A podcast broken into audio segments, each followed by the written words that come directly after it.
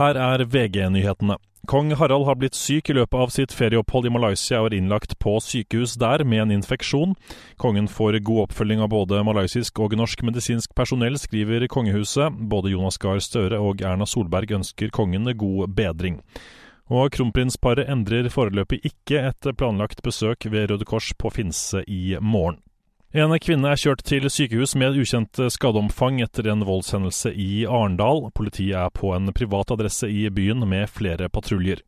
Aleksej Navalnyjs advokat er arrestert i Moskva, det skriver avisen Novaja Gazeta. Han skal være arrestert for brudd på den offentlige orden.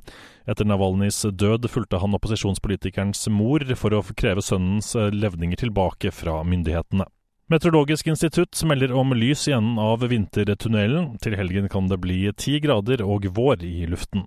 Et lavtrykk er nemlig på vei og tar med seg noen ekstra plussgrader til både Østlandet, Trøndelag, Vestlandet og Nord-Norge. Men hvis du er lei av snø, er det først bare å stålsette seg for å bli lei av regn. Vestlandet blir rammet hardest. I Bergen er det meldt 64 millimeter til og med fredag ettermiddag, før solen viser seg igjen. Reporter Frode Sti. I studio Andreas Hagen Haakonsen, nyhetene får du alltid på VG.